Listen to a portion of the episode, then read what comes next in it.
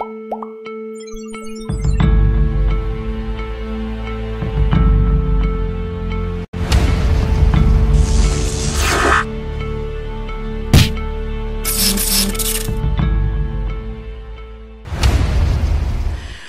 memberi hadiah kepada orang tua kita yang sedang ulang tahun di 14 Februari itu bagaimana? Kalau di 14 Februari, pokoknya sudah kalau ngasih-ngasih hadiah jangan di bulan ini.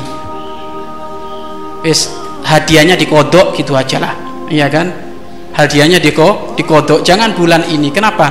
Khawatir ikut siarnya mereka. Karena sekarang sewalayan-sewalayan toko-toko sudah di setting ikut gayanya mereka lalu kalau kita beli produk ke sana berarti ngikut siarnya mereka maka sudah kalau ngasih hadiahnya jangan sekarang nanti bulan yang lainnya ya kan bulan Ramadan kah? Jadi nanti punten ibu kodok kan gitu aja ya karena mau kemarin momennya tidak tidak pas. Jangan memberi hadiah sekarang. Kenapa? Khawatir kita ngikut uh, siarnya mereka mereka. Wallahu a'lam bisawab